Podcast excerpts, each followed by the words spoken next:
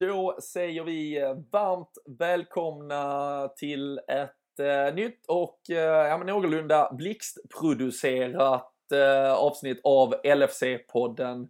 Vi eh, hade ju match igår kväll mot eh, Burnley på Turf Moor och eh, poddens eh, Christian Andersson var på plats eh, så vi använde torsdag tidig morgon till att ringa upp honom och eh, stämma av hur eh, reaktioner, känslor och intryck var från matchen som eh, till slut vändes från 1-0 underläge till 3-1 seger och förde Liverpool ännu ett steg sådär hack i häl på Manchester City. Vi vägrar släppa iväg dem och till helgen har vi ju chansen att täppa till det där hålet ännu mer. Vi gör avsnittet i vanlig ordning i samarbete med LFC.nu och Redspet.com. Och eh, det är ju där eh, ni hittar era nyheter, all information vad gäller supporterklubben då på LFC.nu. Och så Redspet tycker vi att ni ska använda om ni vill lägga några spel på Liverpool. De erbjuder alltid bäst odds och dessutom så går en del av slantarna tillbaka till samhället kring Liverpool. Så det är ju eh, win-win att använda dem som partner om man nu vill eh, hotta upp någon match med något roligt spel. Eh, kom bara ihåg att göra det för pengar ni har råd att förlora och eh, spela för att det är roligt helt enkelt. Eh, nu ska eh, jag knappa på telefonen och eh, så har vi med oss Christian Andersson alldeles strax direkt från England med rykande färsk rapport.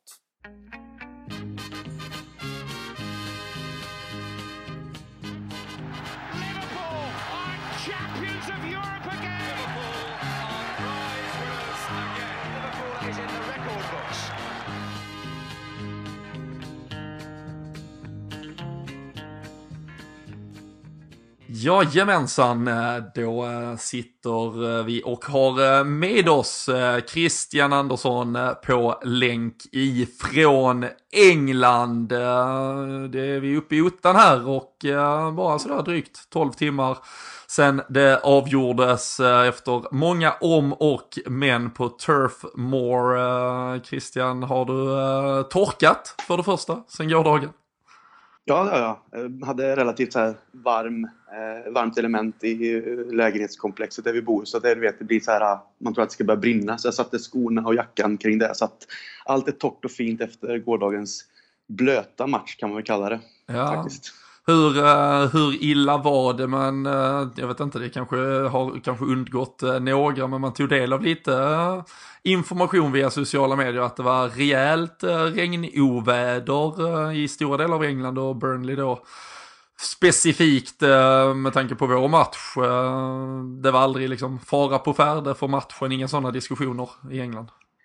Nej, faktiskt inte. Utan eh, det regnade ju egentligen hela dagen från morgon till kväll. Eh, så liksom, när man tog sig till kontoret här med så kände jag bara shit, det kommer bli riktigt sån här blöt matchkväll och kanske bli lite problem. Men eh, under dagen så fick vi ingen information om att det skulle vara krångel utan det var först när vi kom till tågstationen sen här i Manchester som det var lite förseningar. Men det var ingenting som stod att det var eh, ja, cancelled eller att det skulle bli långa förseningar. Så att, Eh, som det verkade så rullar allting på någorlunda bra i alla fall. Den, den, engelska tågtrafiken kan man lita på? Ja, alltså när jag kom hit så tog jag från London eh, Virgin eh, Trains upp och det är ju snabbtåg och de gillar ju jag rätt bra. Så länge allting går och rullar, vilket det oftast brukar göra, de rutterna, så är det rätt så bekvämt. Men de här tågen som går mellan till exempel Manchester och Burnley är ju så här riktiga gamla gnisseltåg och det är fullpackat med folk och det är kondens och då och det luft och det luktar. Så att det, det, är alltid trevligt att åka de här lite äldre tågen i England till de lite vad säger man, avskilda delarna kanske i norra delarna av England. Då. Precis. Nej, men det, nej, det, det har ju sin eh, charm sannoliken, eh, de där tågtripparna runt eh, på öarna. Det, det, det kräver sin alkohol dock och färdkost för att överleva. Ja, det är bra. Han, eh, han är eh, fram eh, i tid för att uh, insupa någon atmosfär i Burnley eller det var rakt in på arenan? när vi kom fram i god tid, och det var nog tur att vi ändå tog det tidigare tåget. Vi sa att vi skulle ta det som går efter klockan fem precis då, eller klockan sex beroende på när vi slutar jobb och så. Och, eh, att ta sig till Victoria Station från där vi bodde också med trafik. Ehm, men vi kom med det tåget som skulle gått lite efter fem, men nu gick ju det som sagt lite senare, så det var väl ändå tur att vi kom på där då, så att vi ändå fick tid att eh, gå eh, den här eh, lite trevliga backen ner från Burnley train station där och det är ju Burnley Manchester Road heter det så ser man ju arenan långt där nere i kull, dalen. Så det är ju så lite kulligt där så det är rätt så trevligt faktiskt att komma till en gammal arbetarstad som Burnley också är. Och så gick vi ner dit och ja, tog oss ett litet varv runt arenan och det började ju strömma till både hemmafans och bortafans och så hade de en bortapub på The Cricket Club precis jämte arenan och det var väl inte jättesuperstämning där eh, innan. Det är väl så kanske med en match mitt i veckan och folk åker på många bussar och så vidare. Så att, eh, inte superstämning men ändå väldigt trevligt och, och liksom positiv känsla ändå. Så att det var trevligt, tog några öl och snacka med lite folk som man inte har träffat på ett tag. Både gamla kollegor faktiskt från Stoke-tiden som Liverpool-fans och, och, lite annat folk. Så att, eh, väldigt trevligt men inte det här uppsjungandet som det kanske brukar vara. Nej. Hur, uh, vad satte det för ton på uppladdningen uh, och atmosfären när startelvan presenterades en timme innan match? Det är lite kul att du frågar just det också för att vi var på just cricketklubben där när det kom ut och de hade ju tv-skärm där, där startelvan kom upp och det var nästan så att det gick ett litet sus genom hela lokalen faktiskt och folk hörde direkt hur folk började mumla igång och stod med sina mobiler och kolla sociala medier och andra kanaler som direkt eh, tar upp startelvan såklart. Och mycket diskussioner kring att eh, det var underskattning och att det var lite idiotiskt för Burnley borta en svår match och en match som vi ändå behöver vinna för att hänga på och så vidare. Så det var väl lite delade känslor där kring startelvan. Själv, själv påverkas jag nog inte så mycket när man väl är på plats. Jag påverkas nog mer när man sitter i soffan och tänker. Men mm. är man på plats så insuper man mer all, hela grejen och tänker att ah, det löser sig ändå för man är mitt uppe i det. Men jag blev ändå lite, ja, men lite, lite oroad blev jag. Mm. Var, var det något, vi kan ju konstatera, eller om det är någon som gjort förmodan miss, missat något i, i det sammanhanget, så var det ju en Alberto Moreno som gick in på vänsterbacksplatsen, Joel Matip tog plats centralt, man puttade ut Joe Gomez till höger, ett helt nytt mittfält då med Keita, Henderson och Milner och eh, ja, men egentligen en helt ny offensiv. Eh, Shadan Shakiro flyttades fram och så var det Origi och Sturridge in. Um, Salah och Firmino, just att han gör bå, plockar ut båda samma match när man dessutom vet, vi visste ju på förhand så att vi pratade om för ett par dagar sedan att Sadio Mané med all säkerhet skulle missa på grund av skada. Eh, det var ju han och Andy Robertson som kanske var de då naturliga ehm, ja, eh, utbytbara spelarna så sett. Men ehm, det, eh, ja, som sagt, man upplever det ofta på annorlunda sätt när, när man är på plats. Jag håller med dig, det är så mycket fokus kring att man själv nästan ska göra en insats, men eh, väldigt överraskande ändå, måste man väl tycka att, att det blev så extremt många ändringar på en och samma gång. Ja, det tycker jag, för jag menar att, att Mané inte kom till start, det hade man eh, nästan fått klartecken på då såklart. Men Eh, just att man väljer att ställa både Salah och Firmino åt sidan och inte bara en av dem. Var ju många som faktiskt diskuterade, hörde jag, och pratade själv med min kollega Eddie också kring det.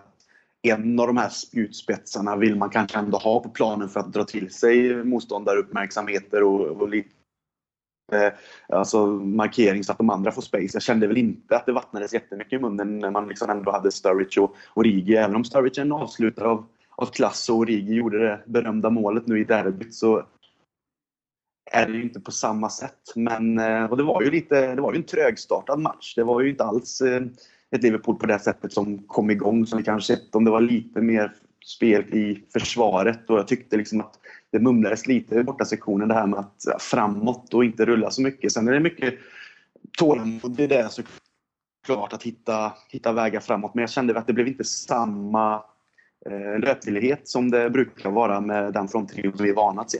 Nej. Vi, eh, vi satt ju här för ett par dagar sedan och pratade om att vi eh, mot Everton fick se ett väldigt dynamiskt mittfält med liksom ganska tydliga rollfördelning. En Fabinho där som axlade någon form av lite defensivt ansvar. En Shadan Shakiri som blir en länk upp mot anfallet. En Gino Wijnaldum som är liksom eh, uh, Mr överallt i stort sett. Nu uh, visserligen med Nabi Keita som kom in, vi kan prata lite om hans insats sen, tyckte eh, han var kanske en av de bästa på plan, men annars blev det då återigen slitvargarna uh, på ett annat sätt. James Milner, Jordan Henderson. Uh, det var ju således ett nytt mittfält och ett nytt anfall. Var när man såg det på plats, vad, vad kände man att det någonstans ändå saknades? Vad, vad, var lite, vad var det som inte kom igång i första halvlek? För första halvlek kan vi konstatera var extremt dålig från Liverpools sida. Ja, alltså jag tyckte väl mest att det var kanske länken mellan just mittfält och den här fronttrion som vi är vana att se. Eh, mycket rull i backlinjen och det är klart att hittar man inte fram så måste man flytta spelet över på andra sidan för att försöka och hitta ytor och få motståndarna att öppna upp sig. Men det gick lite för sakta och just att man inte hade kanske just möjligheten att sätta in en boll till mittfältet som sen kan hitta en, en boll framåt eller ett kombinationsspel med den fronttrion som vi är vana kanske att se. Och även om det har varit kanske lite sämre än vad man såg förra, i slutet av förra säsongen med Salah, Mané, Firmino där uppe så, så kändes det som att det var helt borta igår och man satt egentligen bara och väntade på hur ska vi liksom ändra? Någon utav Firmino och Salah måste kanske komma in. Eh, kanske så att Shakiri får ta ett steg på, alltså in i banan, kanske vara mer av en nummer 10 på ett annat sätt. Men eh, ja, så att första halvlek var ju inte så mycket att hänga i julgranen om man säger så nu i jultider. Utan det var mest en frustration och så det här med man kände att fan, visst, bortamatch mot Burnley, man kan ta en poäng liksom så här, men här måste vi nästan ändå gå för det och det var därför det var lite frustrerande att, att inte se eh, egentligen så eller Firmino från start. Oavsett om det är så att de behöver vilas eller att det är mycket matchande nu så har man inte råd att tappa de här eh, poängen mot lag som Burnley med all respekt. Nej. Um, en som uh, får mycket kritik uh, från, fr från min sida sett uh, välförtjänt tyvärr oavsett vad man tänker och tycker så vill man ju såklart aldrig att det ska finnas fog för kritik men det här långsamma spelet har någonstans blivit synonymt med att Jordan Henderson är en del av startelvan. Hur hur upplevde du surret från, eh, från engelsmännen på plats? Delar de också den bilden att han någonstans eh, inte längre kanske håller måttet?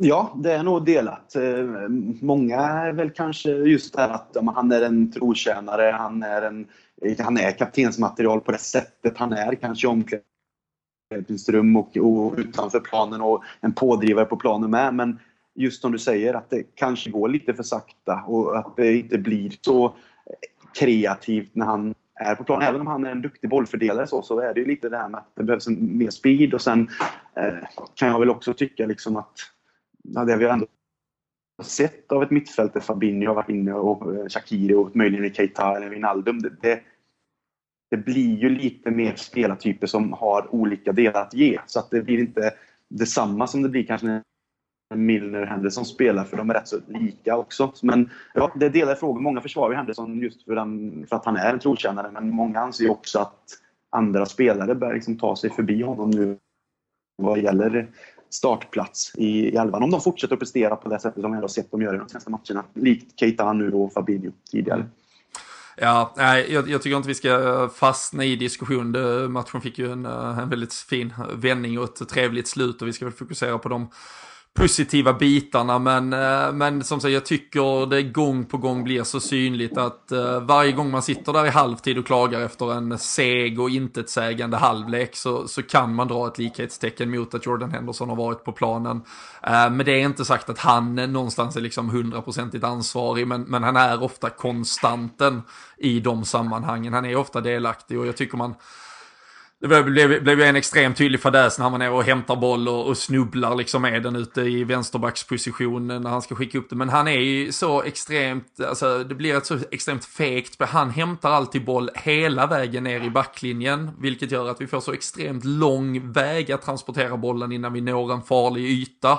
Medan jag tycker både Fabinho och alla andra spelare, även Wijnaldum när han spelar i den här lite defensiva rollen. De hittar trots allt en yta framför den första pressen så att van Dijk eller Gomes eh, eller vem som nu än spelar mittback kan, kan lägga upp den bollen förbi en spelare. Då har vi gjort en första press när den spelaren får bollen. Jordan Henderson kommer bara ner och, ja, egentligen gör vad en mittback bör kunna göra och jag kan förstå att han är lite invand i det och att det behövdes när det var Martin Skertel kanske som fördelade en boll, men det behövs ju inte när det är van Dijk som står där nere, utan han gör nu bara ett jobb som inte fyller någon som helst funktion egentligen. Och nej, nej, jag, jag tror du var inne på Keita gör en väldigt fin match här, Fabinho tycker jag har börjat växa mer in i det. Vi har pratat om hur viktig Shakiri har blivit som den där länkspelaren, så där är, där är numera väldigt många mittfältare för honom i den så kallade pecking ordern. Uh, eh, sen uh, är det såklart väldigt mycket matchande och han kommer få sina minuter men uh, de, de bör inte vara av högsta proportion i alla fall i förhållande till hur det ser ut för övriga spelare, tycker jag och jag tror folk där hemma delar den åsikten. Annars får man gärna uh, hojta till så kan vi skapa skarpa debatter i våra sociala medier. um, däremot väldigt, väldigt trist från första halvlek utöver liksom det spelmässiga. Joe Gomez som tvingas ut. Jag skrev eh, själv på Twitter, eh, kändes eh, lite, lite, lite hemskt någonstans, tror det var tre minuter innan han skadade sig, skrev jag liksom att fan, han ska ju inte spela när han är högerback, för han är inte tillräckligt bra som det Han är briljant, liksom topp fem i ligan, mittback. men Han är fan botten fem högerback, jag tycker han har väldigt svårt i positionsspelet, man såg att Burnley kom igenom ganska farligt eh, första kvarten, 20 minuterna flera gånger där hela backlinjen såklart då sammanlänkad även med en Joel Matip centralt och Alberto Moreno till vänster. Det har vi sett för hur det kan ställa till det mot eh, ännu sämre motstånd men eh, tvingas ut skadad, eh, Trent kommer in. Eh, det, han är upplevd i situationen, nu har man ju sett lite repriser och sådär, men det, det, ser ju ganska illa ut. Eh, hur var liksom, det brukar ofta kunna vara en känsla i publiken bara, typ att ja, det där är fem minuter eller det där är fem månader. Ja, alltså det sjuka är att de är på plats och så inne i det. Tacklingen står man ju och det blir ju en, en stämning från bortafansen. Liksom, skrek till liksom. Men jag tror inte att det var många som faktiskt uppfattade att han sen blev skadad. Om man ska vara ärlig jag själv nästan missade det helt. Man märkte att det var någonting men tänkte inte att det skulle vara så. Men sen liksom helt plötsligt så bara okej, okay, byte. Så att det kom lite så här, äh, just när man är på plats så ser man ju inte alla delar när man får repriser och, äh, och annat och kommentatorer som berättar. Utan det blev lite så här, va? Blev, blev det verkligen så? Och så gick han ju ut och det är ju tråkigt om han nu är borta. För att det var många reportrar som skrev också på sina sociala kanaler att eh, det är en skada och den ser liksom inte bra ut. Så att vi kan väl kanske förvänta oss att det blir lite längre än, än kortare, eh, tyvärr. Så som jag känner direkt utan att egentligen veta mer så kändes det väl så att bärs man ut på, på bår på det sättet så är det ju någonting som gör ordentligt ont. Så eh, nej, hoppas att det inte är så farligt men eh, man fruktar lite av det värsta här kring Joe Gomez. Han har ju varit så viktig nu så att eh, ja, det är dags i så fall för de andra att steppa upp.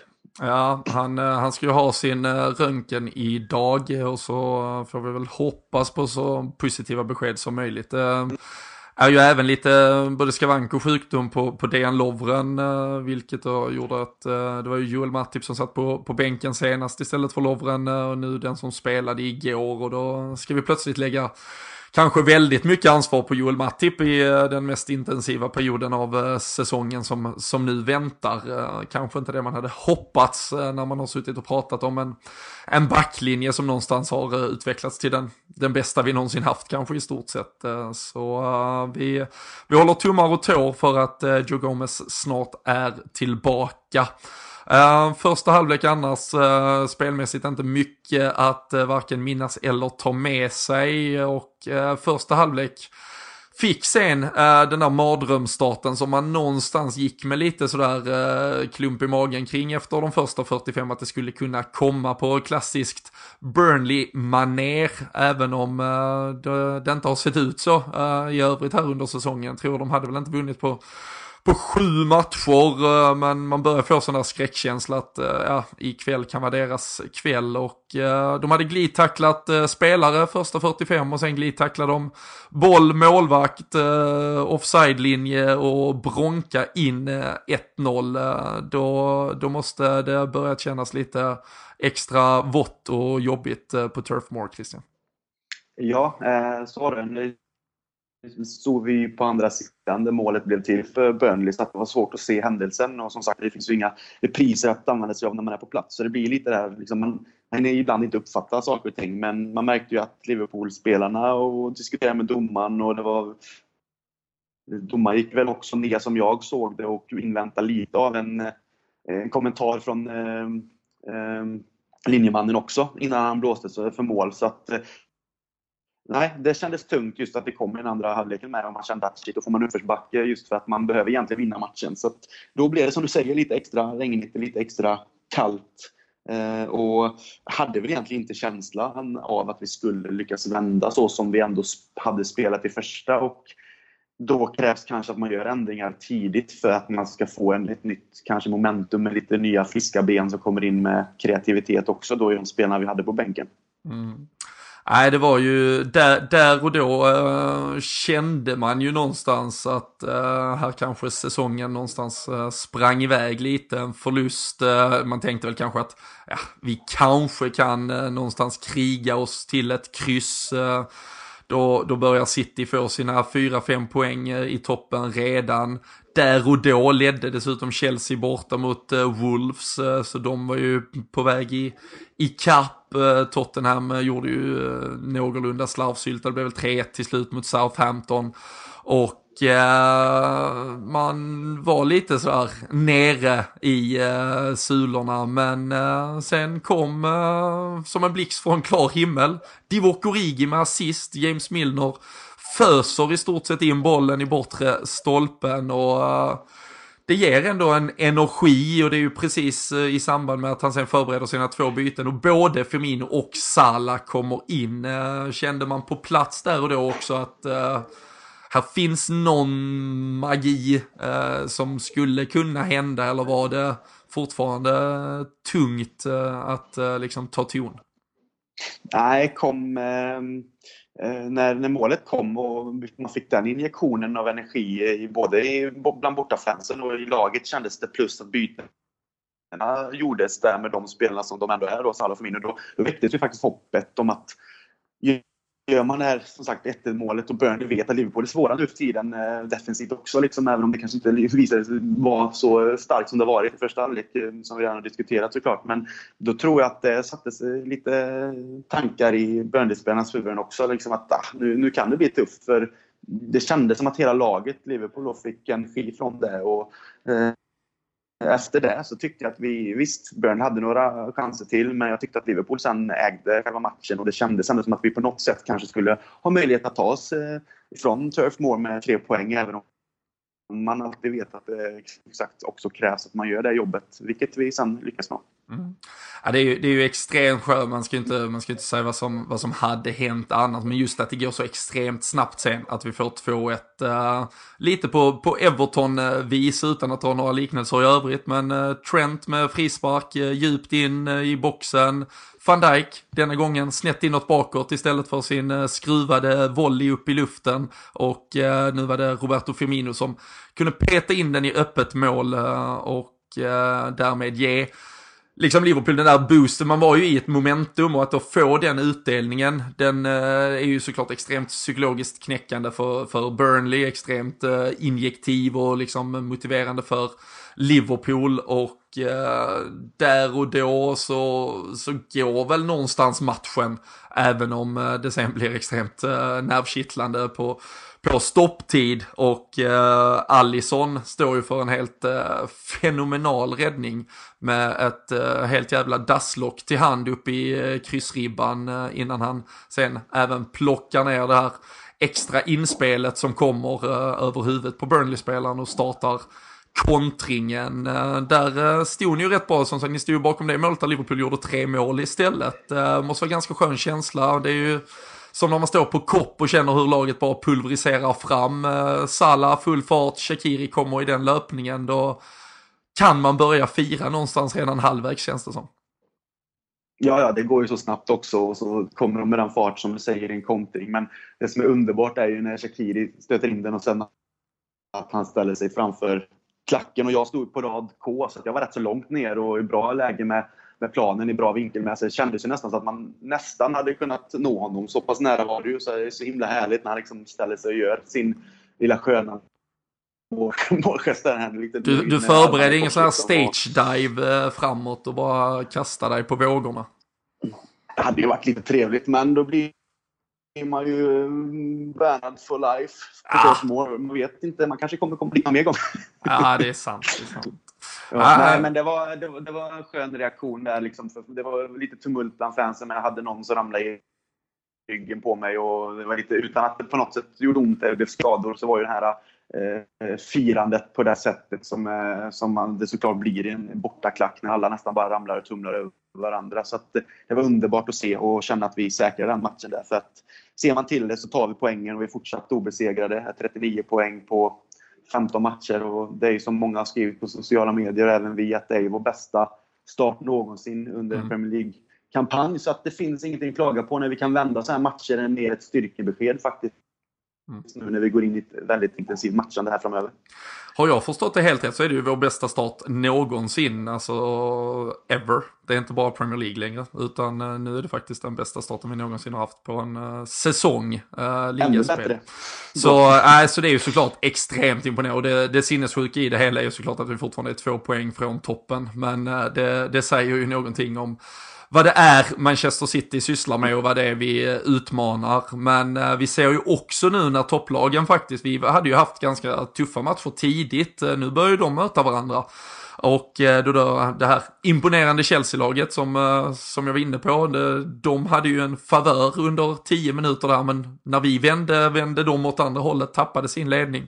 Och nu har vi ju bra med pluspoäng på dem och vi har även ett eh, hål ner till, till Arsenal som under stunder har fått fin kritik och det är väl Tottenham som smyger med där bak men eh, nu till helgen så väntar eh, Bournemouth borta för vår del lördag tidigt. Eh, vi har chans att sätta press på eh, City och Chelsea. De möts ju sen i eftermiddagsmatchen 18.30 och mm. eh, då kan vi ju antingen med en seger mot Bournemouth faktiskt komma ikapp eller rent av förbi City om nu Chelsea gör jobbet där. Eller så har vi egentligen sågat av Chelsea istället redan, trots att det för bara någon vecka sedan var så extremt jämnt ett tremanna-race och man ska inte räkna ut Chelsea. Uh, det, det, är ju sannoliken uh, positiva vindar ändå som blåser kring detta Liverpool nu, Christian. Det måste man ju bara konstatera vad man än vill tycka och tänka kring vissa insatser ibland. Absolut, det går inte. Alltså egentligen, man man kan ju klaga på lite spelprestationer och att vissa saker inte klickar alltid, men sett till hur vi har presterat sen den här säsongen startade och det vi nyss sa att det möjligen är den bästa starten någonsin. Så det finns ingenting att klaga på utan det är bara att njuta av den här resan och hoppas att den fortsätter så länge som möjligt. Och som sagt, Chelsea tappar poäng och, och, eh, liksom vi, vi, och Arsenal tappar poäng och United tappar poäng och det är väl alltid skönt att se United tappa poäng också. Så att, eh, sett att vi kan eh, liksom öka det glappet lite från City och oss själva ner till de andra som vi kanske gjorde igår då, genom att vända en sån match och ta tre poäng istället. Och så nu åker vi till Bournemouth som inte är en lätt match. Men kan vi komma in i ett momentum där vi ändå kan vinna, fortsätta vinna fast det inte alltid spelas den perfekta fotbollen. Då, då har vi kommit långt. För när det väl blir supermatcher från vår sida då vet vi att vi kommer göra en två, tre, fyra, fem bollar kanske. Även om vi spelar lite annorlunda nu. Men den kapaciteten har vi. Så att det är bara att njuta av den vågen som är och bara åka med den så långt det bara är möjligt. Och som sagt, jag skrev på Twitter innan att det, det är alltid underbart att vakna upp som Liverpool-supporter, men just nu är det extra jävla underbart för att ja, ja, som sagt, vi har inte förlorat än och vi är liksom inne i december. Eh, så, och det är väl någonting man nästan aldrig har varit med om tidigare. Nej, nej det, det är helt uh, sinnessjukt. Men vi, vi tackar, tar emot och uh, njuter uh, till fullo. Jag, jag vet att du har en uh, skarp deadline här nu Krille, så jag ska släppa iväg dig och uh, avrundar detta på, på egen hand. Men tack för att du gav lite rapport från, från öarna och så får du ta dig hemåt och sen så skickar vi ju mig och Jocke Lundberg till Anfield nästa vecka för Napoli istället. Så podden försöker vara på plats och ge så mycket rapporter som det, möjligt helt enkelt. Det är bra ruljans på folket faktiskt matcher. Är bra tycker jag för att det skapar något extra. Så att, eh, det blir kul att följa er när ni är över Sam och Napoli med för det är också en viktig, oerhört viktig match sett i vår Champions League-kampanj. Så där får ni lägga ut lite på sociala kanaler och köra lite live-grejer så följer man det gärna. Det finns en risk för att uh, det blir så helt enkelt. Men uh, ta hand om dig så länge Krille och uh, så hörs vi snart igen. Detsamma Robin. Härligt. Det gör vi. Tack. Ja, så med de orden lämnar vi då Christian för att fortsätta sköta sitt borta på de brittiska öarna och Eh, vi eh, hoppas att ni uppskattar en eh, snabb, något kortare rapport från eh, gårdagens match än vad vi kanske normalt sett eh, har. Inte jättemycket tid till att snacka upp inför helgen. Ni hörde dock förutsättningarna. Liverpool har nu stora chanser att vid en seger antingen knappa in på City eller eh, så har man åtminstone då utökat sitt försprång mot eh, Chelsea eh, ett kryss. Så går vi upp på samma poäng som City om vi nu gör vårt jobb och vi håller också Chelsea på beskedligt avstånd. Men det är kanske ändå prioriterat att Manchester City någon gång lyckas förlora en match. Så jag tror att jag personligen håller på Chelsea i alla fall, men Gör gärna er röst hörd kring det också. Eh, Delge era tankar på våra sociala medier och eh, var med oss där i snacket. Eh, ni kommer också kunna tippa inför matchen i vanlig ordning och vi gratulerar gårdagens vinnare här mot Burnley också. Där slängde vi in en halsduk, kan behövas i dessa kalla tider. Så det går ut från Samdods nu i veckan. Sen vill vi gärna avslutningsvis också slå ett slag för att eh, man kan nominera oss till Svenska fans guldsköld. Det är ju priset som delas ut i eh, drygt 10 kategorier till eh, journalister eller journalistisk verksamhet. Allt ifrån bästa krönikörer, kommentatorer, experter, programledare och så vidare. Men i kategorin Årets Sportpodd blir ju vi sjukt glada om ni vill nominera oss. Man eh, kan eh, väldigt enkelt följa länkar som vi har delat via våra sociala kanaler. Eller så skriver man bara Guldskölden 2018 på Google så kommer man rakt till sidan där man nominerar sina favoriter.